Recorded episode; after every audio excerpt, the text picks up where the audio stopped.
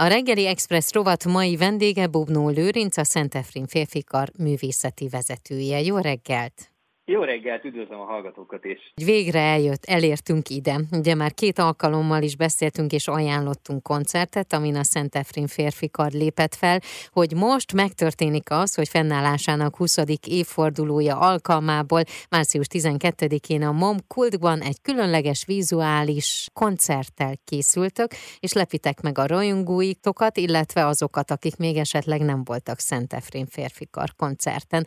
Mi fog itt történni? Igen, tulajdonképpen valóban meglepetés lesz szerintem sok mindenkinek, mert ilyen jellegű Szentefrén koncert még nem volt, ez amit pont említettél az elején is, ez a koncertnek az erős vizualitása mindenképp ezt támasztja alá. Akkor most mégis a vizuális részt indítok, ugyanis Stojanovics Andrea, média művész és VJ lesz a a vendégünk, vagy tulajdonképpen mondhatom, hogy a közreműködőnk ezen a koncerten, aki az egész zenei anyagához a koncertnek egy csodálatos látványt alkotott meg, ami, ami együtt lélegzik és együtt mozog, tehát ez egy vetítés tulajdonképpen, ami együtt támasztja alá a, a koncerten elhangzó zenei anyagot, és ezt ő élőben fogja kvázi hozzá keverni a képet a mi, mi hangunkhoz, úgyhogy Ennyiben például mindenképp nagyon újszerű lesz ez a Szentefrén koncert. Úgy egyébként pedig műsorában is ott lesz, mivel idén a 20 éves fennállásunk apropóján fogunk megjelentetni egy új lemez. Az lesz a címe, hogy Kings and Queens, azaz királyok és királynők. És ennek a zenei anyaga nagyon izgalmas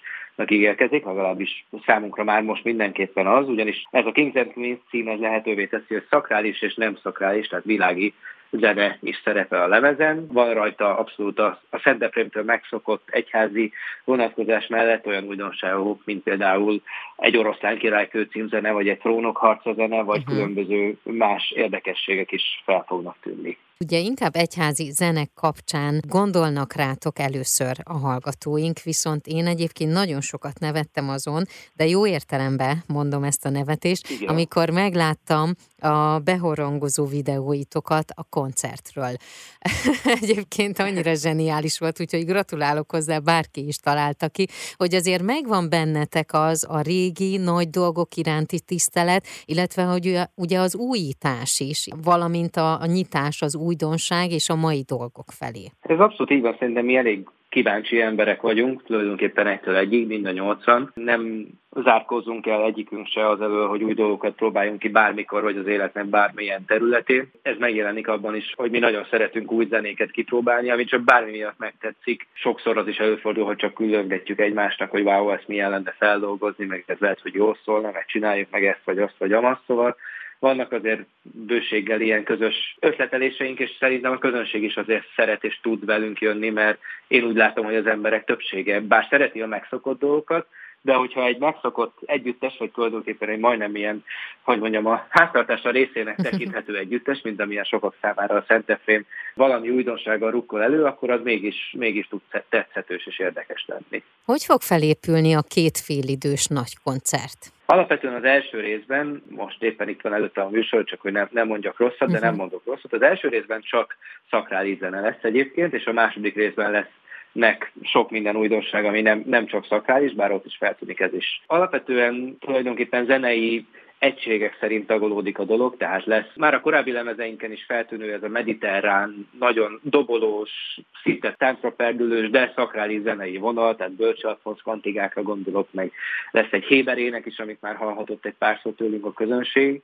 Aztán egy kicsit át fogunk térni a Szentefrém alaprepertoáriához, tehát ami alapvetően a bizánci pravoszláv egyházzene. Érdekesség, hogy például az egyik barátom és kollégám az együttesben, Pap Viktor is komponált például egy pravoszláv művet az együttesnek, tehát ez is egy teljesen új darab lesz, ez a Mennyei Király című, uh-huh. azért tehát a címe miatt kerülhetett be többek között a műsorban, mivel ez, ez a görög katolikus és a bizánci liturgiának a kezdő éneke.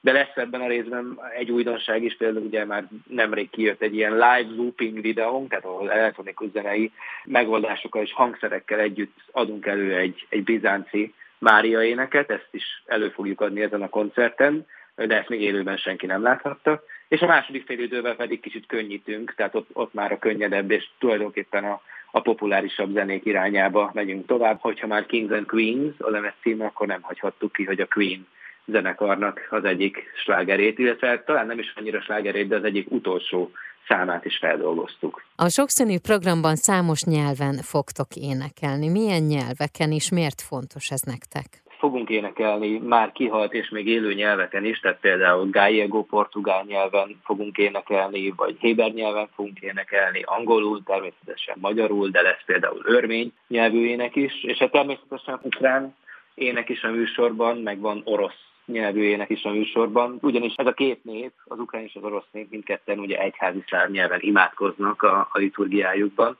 és számunkra nyilván különösen is fontos az egyrészt, hogy foglalkozzunk mi is magunk az ukrán-orosz háborúval, ahogy ezt, ezt a mi lehetőségeink megengedik, és hogy igazából a hasonlóságokat és a, és a közös pontokat mutassuk meg ennél a két népnél, ugyanis annyira egytőről fakadó kultúráról beszélünk, hogy nekünk különösen fájdalmas nézni azt, ami napi szinten történik most.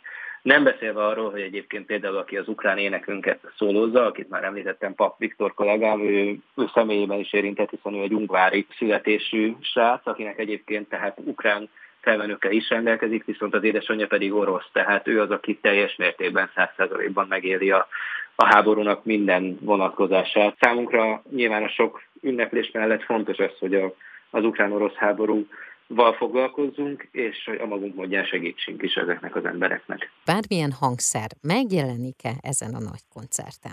Ó, igen, most elég sokat fogunk hangszereken játszani, újdonságok is lesznek. Tehát amivel már találkozhatott a közönség, egyrészt vannak a kis kézi csengőink, a kézi harangok, amik, amik állandó kísérői a Szent Efrén koncerteknek.